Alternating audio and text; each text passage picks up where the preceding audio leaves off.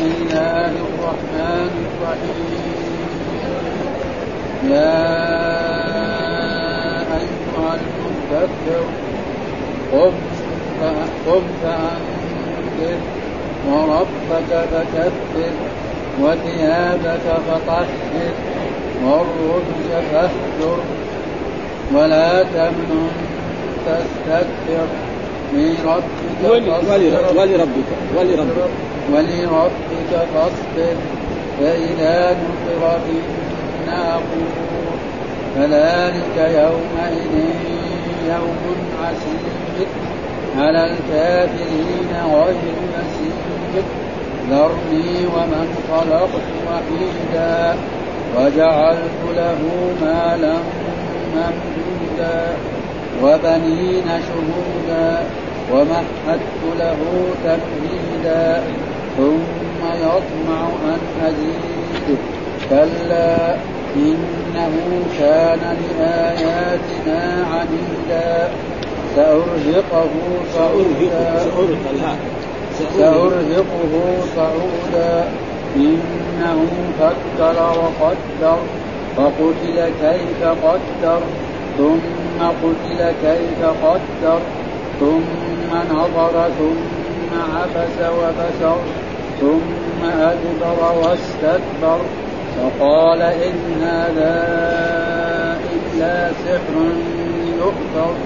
إن هذا إلا قول البشر. سأصلي سأصليه سقر. وما أدراك ما سقر. لا تبقي ولا تذر. لواحة للبشر. عليها تسعة عشر. صدق الله العظيم. أعوذ بالله من الشيطان الرجيم. بسم الله الرحمن الرحيم. تفسير سورة المدثر وهي مكية. بسم الله الرحمن الرحيم. يقول الله تعالى وهو أصدق القائلين يا أيها المدثر قم فأنذر وربك فكبر وثيابك فطهر والرجز فاهجر ولا تمن تستكبر ولربك فاصبر فإذا نقر في الناقور فذلك يومئذ يوم عسير على الكافرين غير يسير. يقول في هذه هذه الآيات يا أيها المدثر يقول ثبت في الصحيح البخاري من حديث يحيى بن كثير عن أبي سلمة عن جابر أنه كان يقول أول شيء نزل من القرآن يا أيها المدثر. وخالفه الجمهور فذهبوا إلى أن أول القرآن نزولا. قوله تعالى اقرأ باسم ربك الذي خلق خلق الإنسان من علق.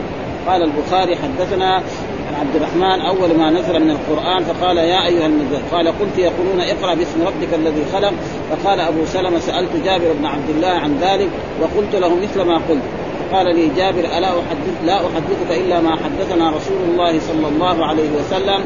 قال جاوزت بحراء فلما قضيت جواري هبطت فنوديت فنظرت عن يميني فلم ارى شيئا. ونظرت عن شمالي فلم أرى شيئا ونظرت أمامي فلم أرى شيئا ونظرت خلفي فلم فرفعت رأسي فرأيت شيئا فأتيت خديجة فقلت دثروني وصبوا علي ماء باردا فدثروني وصبوا علي ماء باردا قال فنزلت يا أيها المدثر قم فأنذر. والمعنى هذا يا أيها المدثر يا أيها المتلفف في ثيابك يا أيها المتلفف بثيابه نعم والمتغطي بثيابه. هذا معنى. وهذه صفة للرسول صلى الله عليه وسلم. وذكر البخاري أنها هي أول يعني آية أول آيات نزلت من القرآن على رجل. وأصح الأقوال أن أول ما نزل من القرآن اقرأ باسم ربك الذي خلق. خلق الإنسان من علق. اقرأ وربك الأكرم الذي علم بالقلم علم. والسبب في ذلك أن الرسول حبب إليه الخلاء وكان يتزوج من زوجه خديجة ويذهب إلى غار حراء. وغار حراء معروف في مكة يعني تقريبا على جهة منى. جبل مرتفع فيجلس فيه ليالي هناك. يعبد الله فإذا نفذ زاد وعاد إلى إلى خديجة وكذلك وهكذا استمر وبينما هو في يوم من الأيام يعبد الله في جاءه جبريل وضمه وقال بعد ما قال له يعني أخذ كذا ضمه قال له اقرأ. قال له اقرأ. قال ما أنا بقارئ. يعني أنا ما تعلمت القراءه يعني ما دخل مدرسة ولا دخل جامعة ولا دخل. فقال ما أنا بقارئ. فضمه جبريل كذا ضمة شديدة ثم ارسل قال اقرأ. قال ما أنا بقارئ. المرة الثالثة المرة الرابعة بعد ذلك قالوا اقرأ باسم ربك الذي خلق. خلق الإنسان من علق. اقرأ وربك الأكرم الذي علم بالقلم. علم الإنسان ما لم يعلم. فخرج من ذلك خائفا وعاد إلى زوجته. نعم خديجة. وقال زملوني لقد كدت أهلك. يعني خاف على نفسي. فقالت إن الله لن يخزيك. ها إنك تصل المعدوم وتصل الرحم. نعم ثم أخذته إلى ابن عمها ورقة بن نوفل وكان رجلا نصراني تنصر وكان أعمى. فقال له يا ابن أخي اسمع من ابن أخيك. فقال ما رأيت؟ قال رأيت كذا بينما أنا في غار حراء رأيت شخصا جاءني وقال لي اقرأ فقلت ما أنا بقارئ فضمني كذا.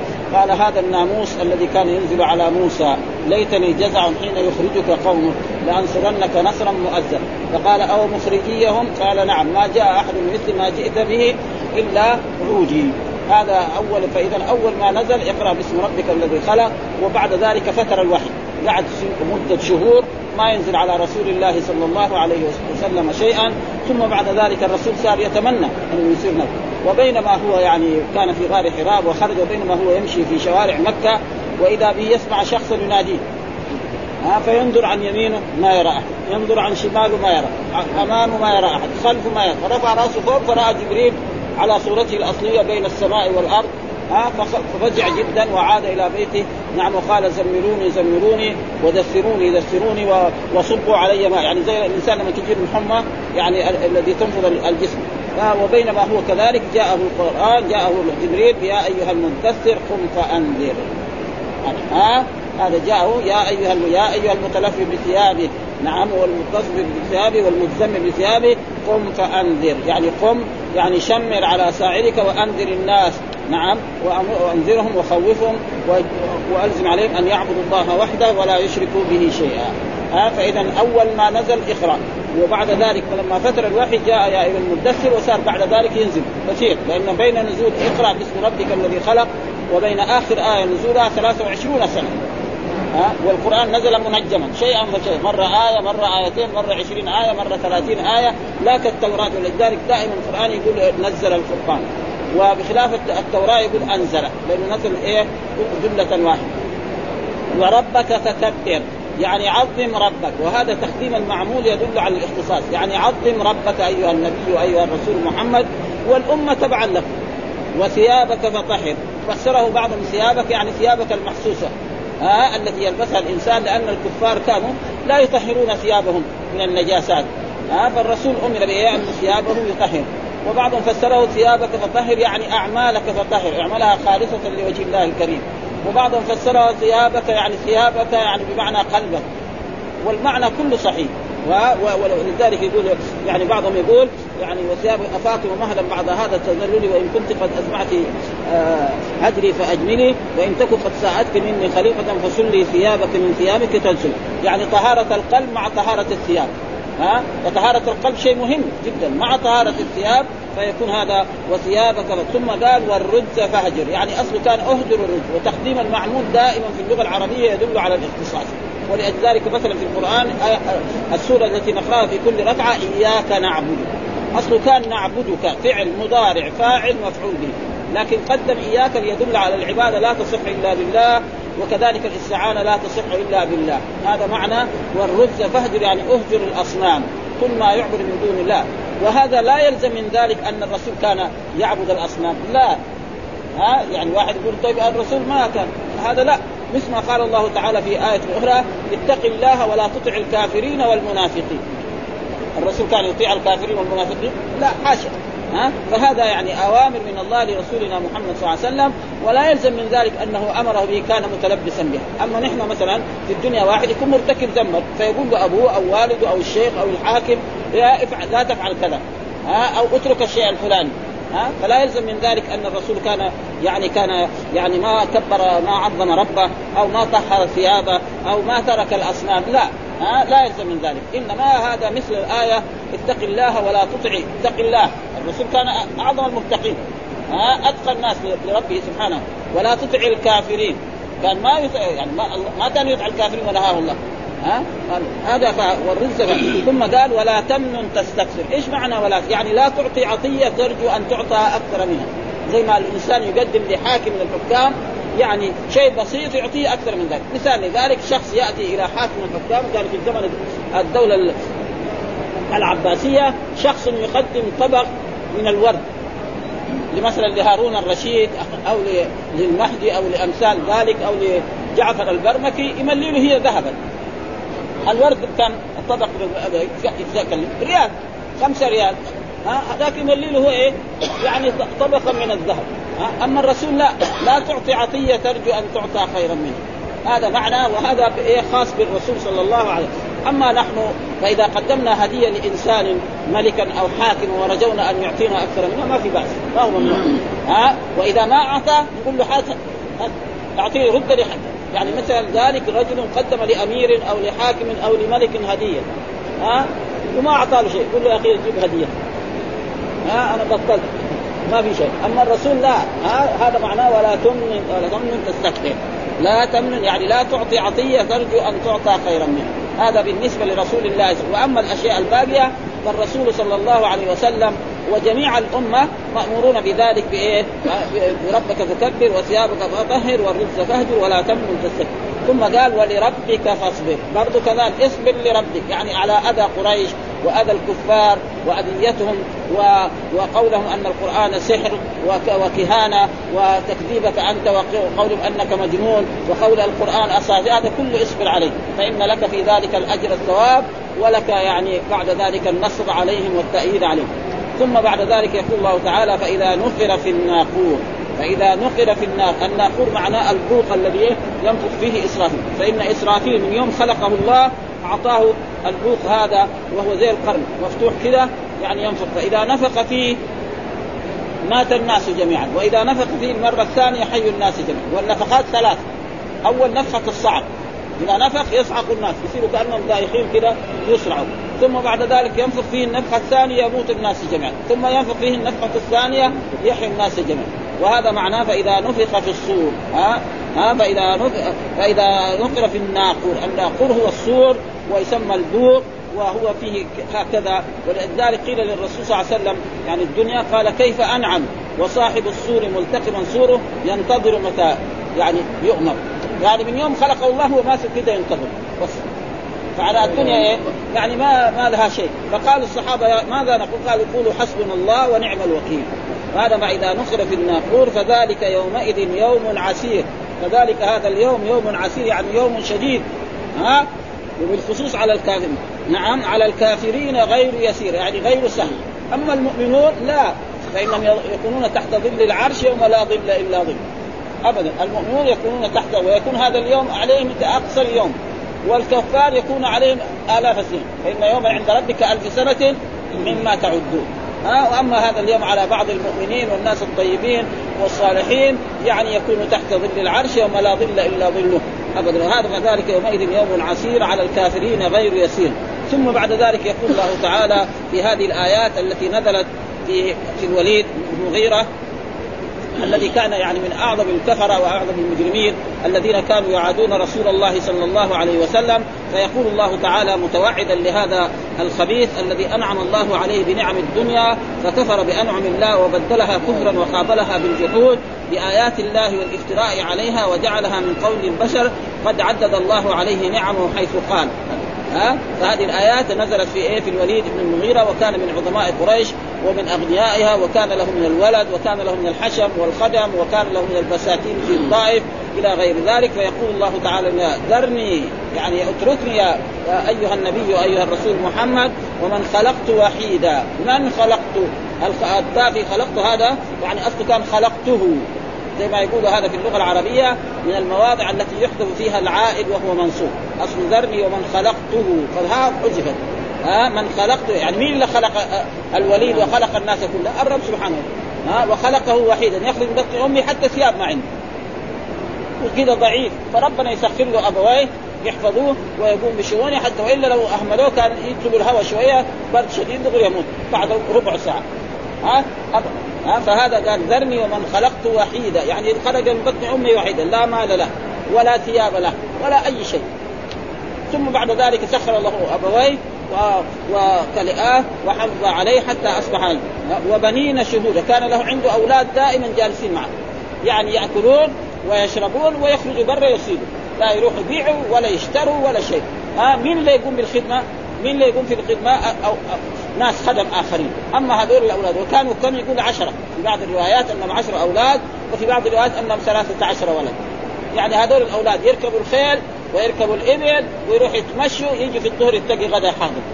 يروح يلعب لأنه هو ما كافر الولد كمان زي يجي في العشاء يتقي العشاء حاضر يجي في الليل يتقي الفراش طيب. يمكن كمان في زوجات ها يتنعم. كمان يقوم في الصبح ما يقول لا إله إلا الله ولا يقول شيء. ويلا ويقعد.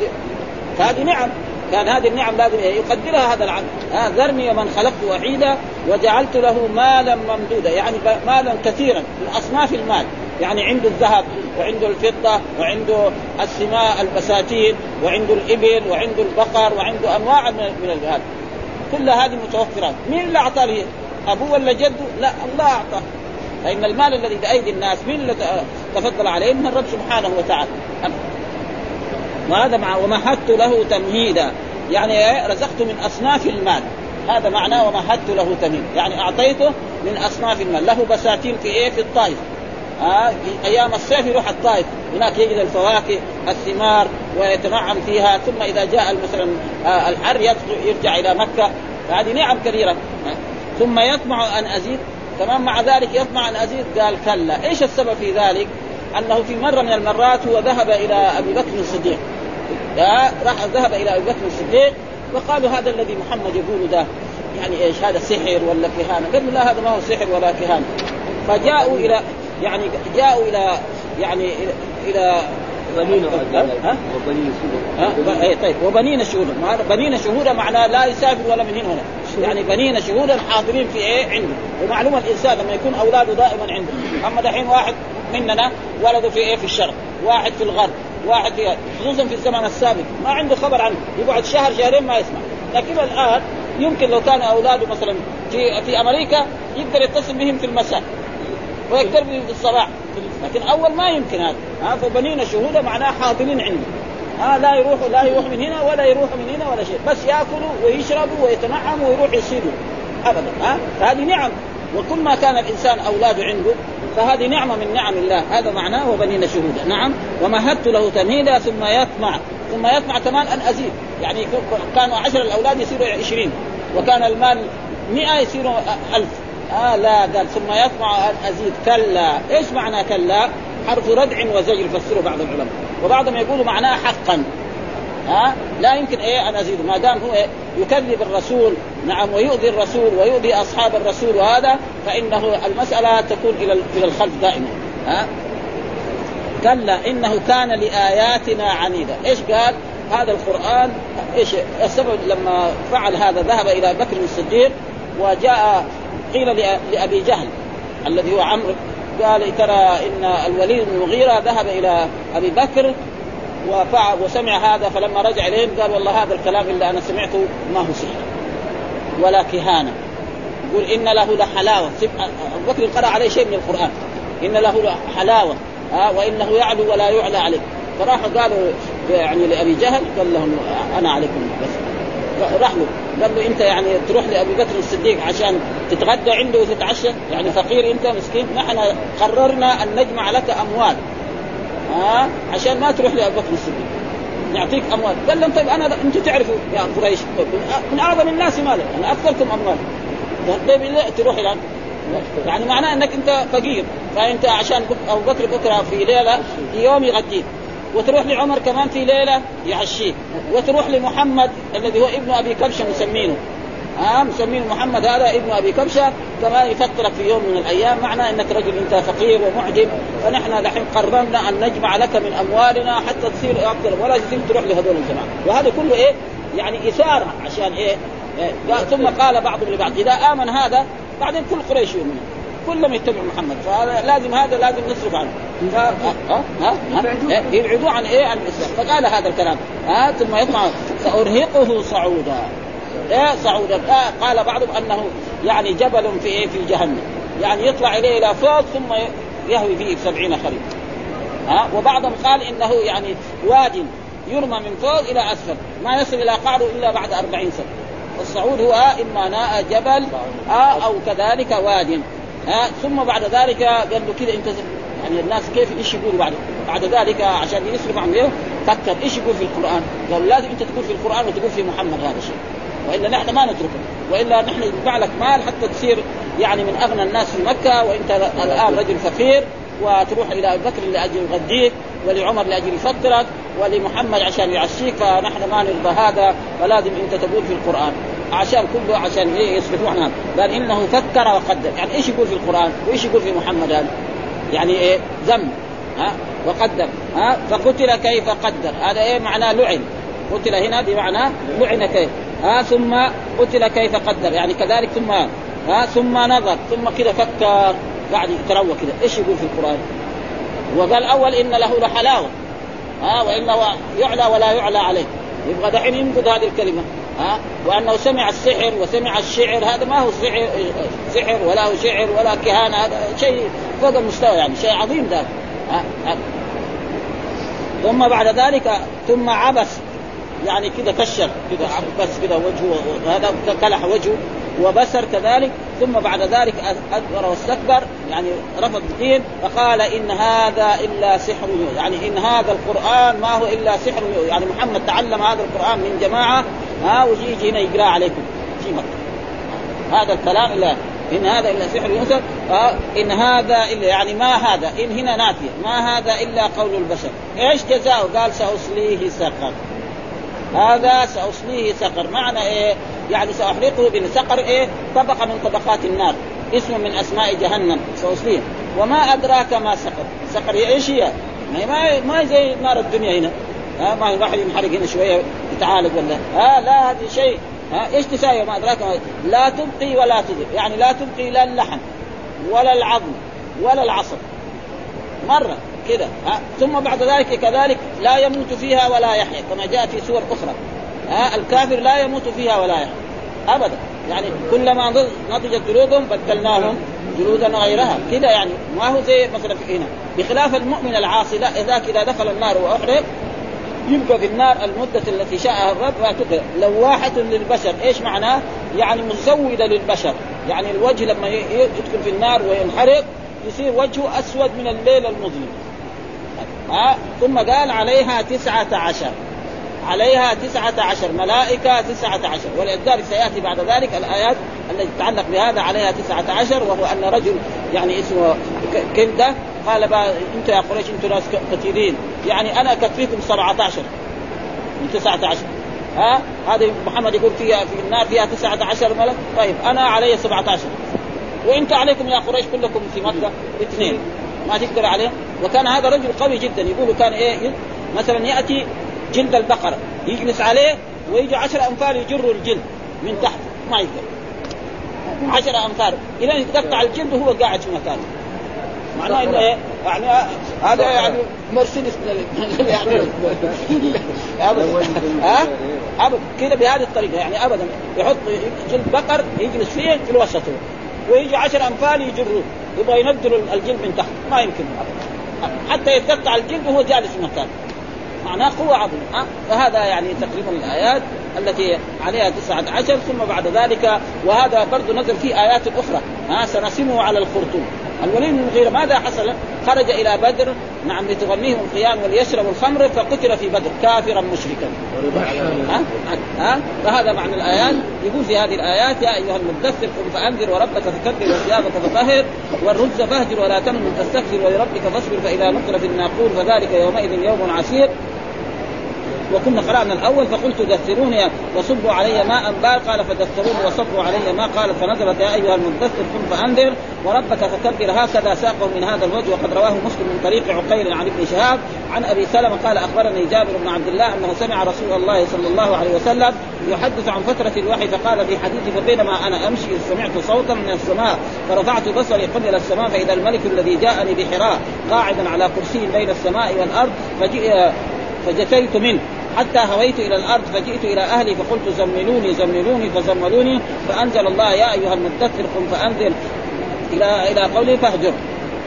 إلى قوله الرز فاهجر. قال أبو سلمة الرز الأوثان ثم حمل الوحي وتتابع. هذا لفظ البخاري وهذا السياق هو المحفوظ وهو يقتضي أنه قد نزل الوحي قبل هذا لقوله فإذا الملك الذي كان بحراء وهو جبريل حين أتاه بقول اقرأ باسم ربك الذي خلق. خلق الإنسان من علق اقرأ وربك الأكرم الذي علم بالقلم علم الإنسان ما. ثم إنه حصل بعد هذا فترة ثم نزل الملك بعد هذا ووجه الجمع أن أول شيء نزل بعد فترة الوحي هذه السورة كما قال الإمام أحمد.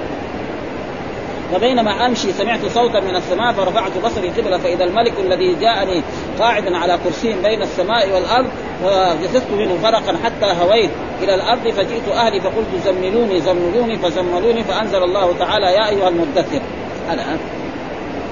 قم فأنذر أي شمر عن ساق العذب وأنذر الناس بهذا وبهذا حصل الإرسال. فلذلك يقول الرسول نبئ باقرا وأرسل بإيه؟ بالمدثر. وبهذا حصل ما حصل في الأول النبوة. وربك فكبر أي عظم وقول وثيابك فطهر. عن ابن عباس أنه رجل أتاه رجل فسأله عن هذه الآية وثيابك قال لا تلبسها على معصية. يعني لا تلبس ثيابك ولا على غدرة. ثم قال أما سمعت قول غيلان بن سلمة الثقفي فإني بحمد الله لا ثوب فاجر لبست ولا من غدرة اتقنع وقال ابن جريج عن عطاء عن ابن عباس في هذه الآية وثيابك فطهر قال في كلام العرب نقي الثياب. وفي رواية بهذا الإسناد فطهر من فطهر من الذنوب. وكذا قال إبراهيم والشعبي وعطاء. وقال الثوري عن رجل عن عطاء عن ابن عباس هذه وثيابك فطهر قال من الإثم. يعني وثيابك فقال نفسك ليس في ثيابك وفي رواية عنه وثيابك فطهر أي عملك فأصلح.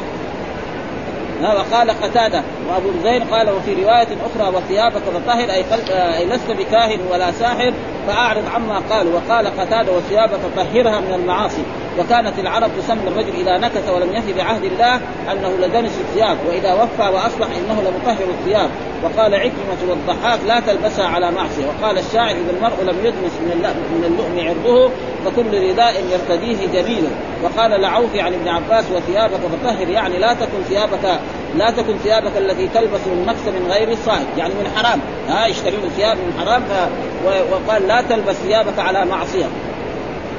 وثيابك تطهر أي يغسلها بالماء. وقال ابن زيد كان المشركون لا يتطهرون لأنه ما ما ما يغتسلون من الكفار المشركون ولا يتوضؤون ولا شيء. فأمره الله أن يتطهر وأن يطهر ثيابه. وهذا القول اختاره ابن جرير وقد تشمل الآية جميع ذلك مع طهارة القلب. فإن العرب تطلق الثياب عليه. يعني ذا ومن ذلك القول هذا ابن القيس فسلي ثيابك من ثيابك فانسلي يعني سلي إيه؟ قلبي من قلبي. لأنه يحب هذه محبوبة حقته يقول لها خمساي قصيده فيها. ها؟ سلي ثيابك من ثيابك هنا الثياب بمعنى إيه؟ بمعنى القلب هنا. وقال سوى ثيابك فطهر اي قلبك ونيتك فطهر والرجز فهجر قال أبي طلحة. والرجز أي اترك المعصية. وبعضهم فسره بالأصنام. وهذا قال وعلى كل تقديم فلا يلزم تلبسه بشيء من ذلك. يعني هذا الرسول ليه يؤمر بهذا؟ يعني كان متلبس بهذا؟ لا ليس. ما كان ابدا. هذه كلها قال ومثل ما قال الله تعالى يا أيها النبي اتق الله ولا تطع الكافرين والمنافقين.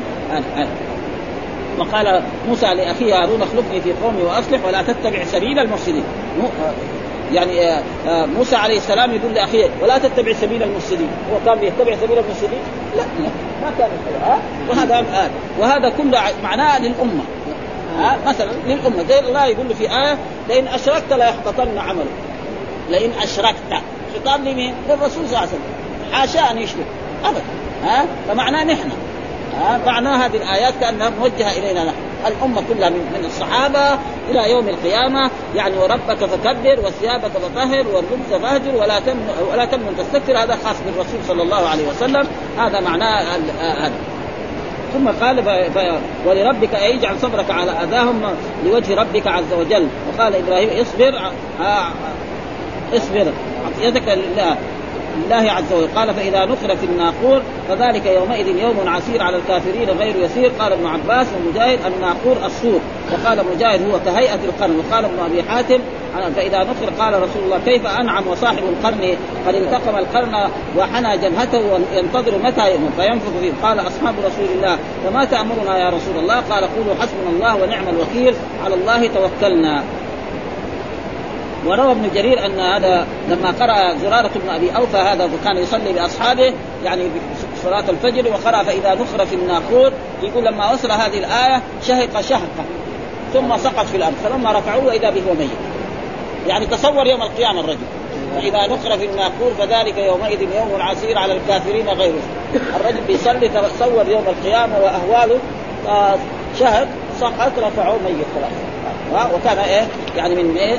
من, السلف الصالح ومن التابعين الذي هذا ثم بعد ذلك يقول هنا في هذا يقول الله تعالى متوعدا لهذا الخبيث الذي أنعم الله عليه بنعم الدنيا فكفر بأنعم الله وبدلها كفرا وقابلها بالجحود بآيات الله والافتراء عليها وجعلها من قول البشر وقد عدل الله عليه نعمه حيث قال تعالى ذرني ومن خلقت وحيدا أي خرج من بطن أمه وحده لا مال له ولا ولد ثم رزقه الله تعالى مالا ممدودا أي واسعا كثيرا قيل ألف دينار وقيل مئة ألف دينار وقيل أرضا يستغلها وقيل غير ذلك وجعل له بنين شهودا قال مجاهد لا يغيبون دائما قاعدين عنده ها؟ وهذا من نعم الله على العبد أما واحد في الشرق واحد في الغرب يعني فيها لكن هذا هذا الواجب نحن في هذا الوقت. لأنه الدنيا يعني ال ال ال الشباب إذا كبر لازم له عمل فيروح يسافر ما في شيء ها؟ بس يكون صالح يكون مسلم.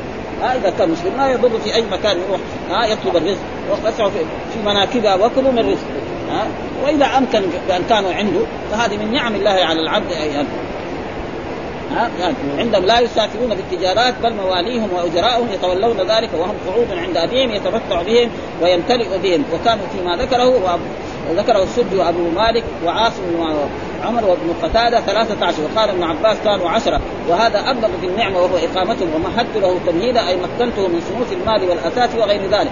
ثم يطلع أن أزيد كلا إنه كان لآياتنا عنيدا أي معاندا وهو الكفر على نعمه بعد العلم. وقال تعالى سأرهقه صعودا. قال الإمام أحمد نعم عن عن أبي سعيد عن ويل ويل واد في جهنم يهوي فيه الكافر أربعين خريف قبل أن يبلغ قعره والصعود جبل من نار يتصعد فيه الكافر سبعين خريفا ثم يهوي به. كذلك فيه أبدا. وقال كذلك سأرهقها له جبل في النار. ثم قال إنه فكر وقدر إنما أرهقناه صعودا ها؟ قربناه من العذاب الشاق لبعده عن الإيمان. إنه فكر وقدر. أي تروى ماذا يقول في القرآن حين سئل عن القرآن ففكر ماذا يختلف من المقال. وقدر أي تروى فقتل كيف قدر ثم قتل كيف قدر دعا عليه. ثم نظر ثم عاد النظر والتروي ثم عبس قبض بين عينيه. كذا يساوي هذا معناه وقتب وبس كلح وكره. ومنه قول توبة توبة ابن حمير. وقد رابني منه الصدود رأيته وإعراضها عن حاجتي وصورها ثم ادبر يستكبر أي صرف عن الحق ورجع القهقرة مستكبرا عن القياد فقال إن هذا إلا سحر يؤثر إن هذا إلا قول البشر ليس من كلام بكلام الله وهذا المذكور هو في هذا السياق هو الوليد بن المغيرة المخزومي أحد رؤساء قريش لعنه الله وكان من خبره هذا ما رواه العوفي عن ابن عباس قال دخل الوليد بن المغيرة على أبي بكر بن أبي قحافة فسأله عن القرآن. فلما أخبره خرج على قريش فقال عجبا لما يقول ابن أبي كبشة. وذا كنية لإيه للرسول صلى الله عليه وسلم مسمينه. فوالله ما هو بشعر ولا بسحر ولا بهدي من الجنون وإن قوله لمن, لمن كلام الله. كذا يقول أول. ها؟ فلما سمع بذلك نفر من قريش ائتمروا وقالوا والله لئن صبى الوليد يعني لئن أسلم. اللي يسلم يسموه صادق. كذا كان ها؟ لئن صبى الوليد لتصبر قريش. فلما سمع بذلك أبو جهل بن هشام قال أنا والله أكفيكم شأن. فانطلق حتى دخل عليه بيته فقال للوليد ألم ترى إلى قومك قد جمعوا لك الصدقة؟ ها؟ يجمعوا لك صدقة يتصدق عليك. ها؟ تيسير يعني. فقلت ألست أكثركم مالا؟ نعم وولدا. فقال له أبو يتحدثون أنك إنما تدخل على ابن أبي قحافه لتصيب من طعامه هذه الاثاره ها؟ فأنزل الله.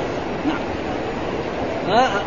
يعني تصيبهم فقال الوليد قد تحدث به عشيرتي فوالله لا أقرب من أبي قحافة ولا عمر ولا ابن أبي كبش وما قوله إلا سحر مؤثر فأنزل الله على رسوله صلى الله عليه وسلم ذرني ومن خلقت وحيدا إلى قوله لا تبقي ولا تذر وقال قتادة زعموا أنه قال والله لقد نظرت لهم. قال الرجل فاذا قال الرجل فإذا هو ليس بشعر وله حلاوة وإن عليه لطلاوة وإنه ليعلو وما يعلو. وما أشك أنه سحر فأنزل الله فقتل كيف قدر ثم عبس وبسر ثم أدبر واستكبر. ثم قال كذلك يعني وما أدراك ما سحر قول لواحة البشر قال مجاهد للجلد وقال أبو رزين تلفح الجلد لفحة فتدعه أسود من الليل. لواحة البشر عليها تسعة عشر. وهم الملائكة والحمد لله رب العالمين وصلى الله وسلم على نبينا محمد وعلى آله وصحبه وسلم.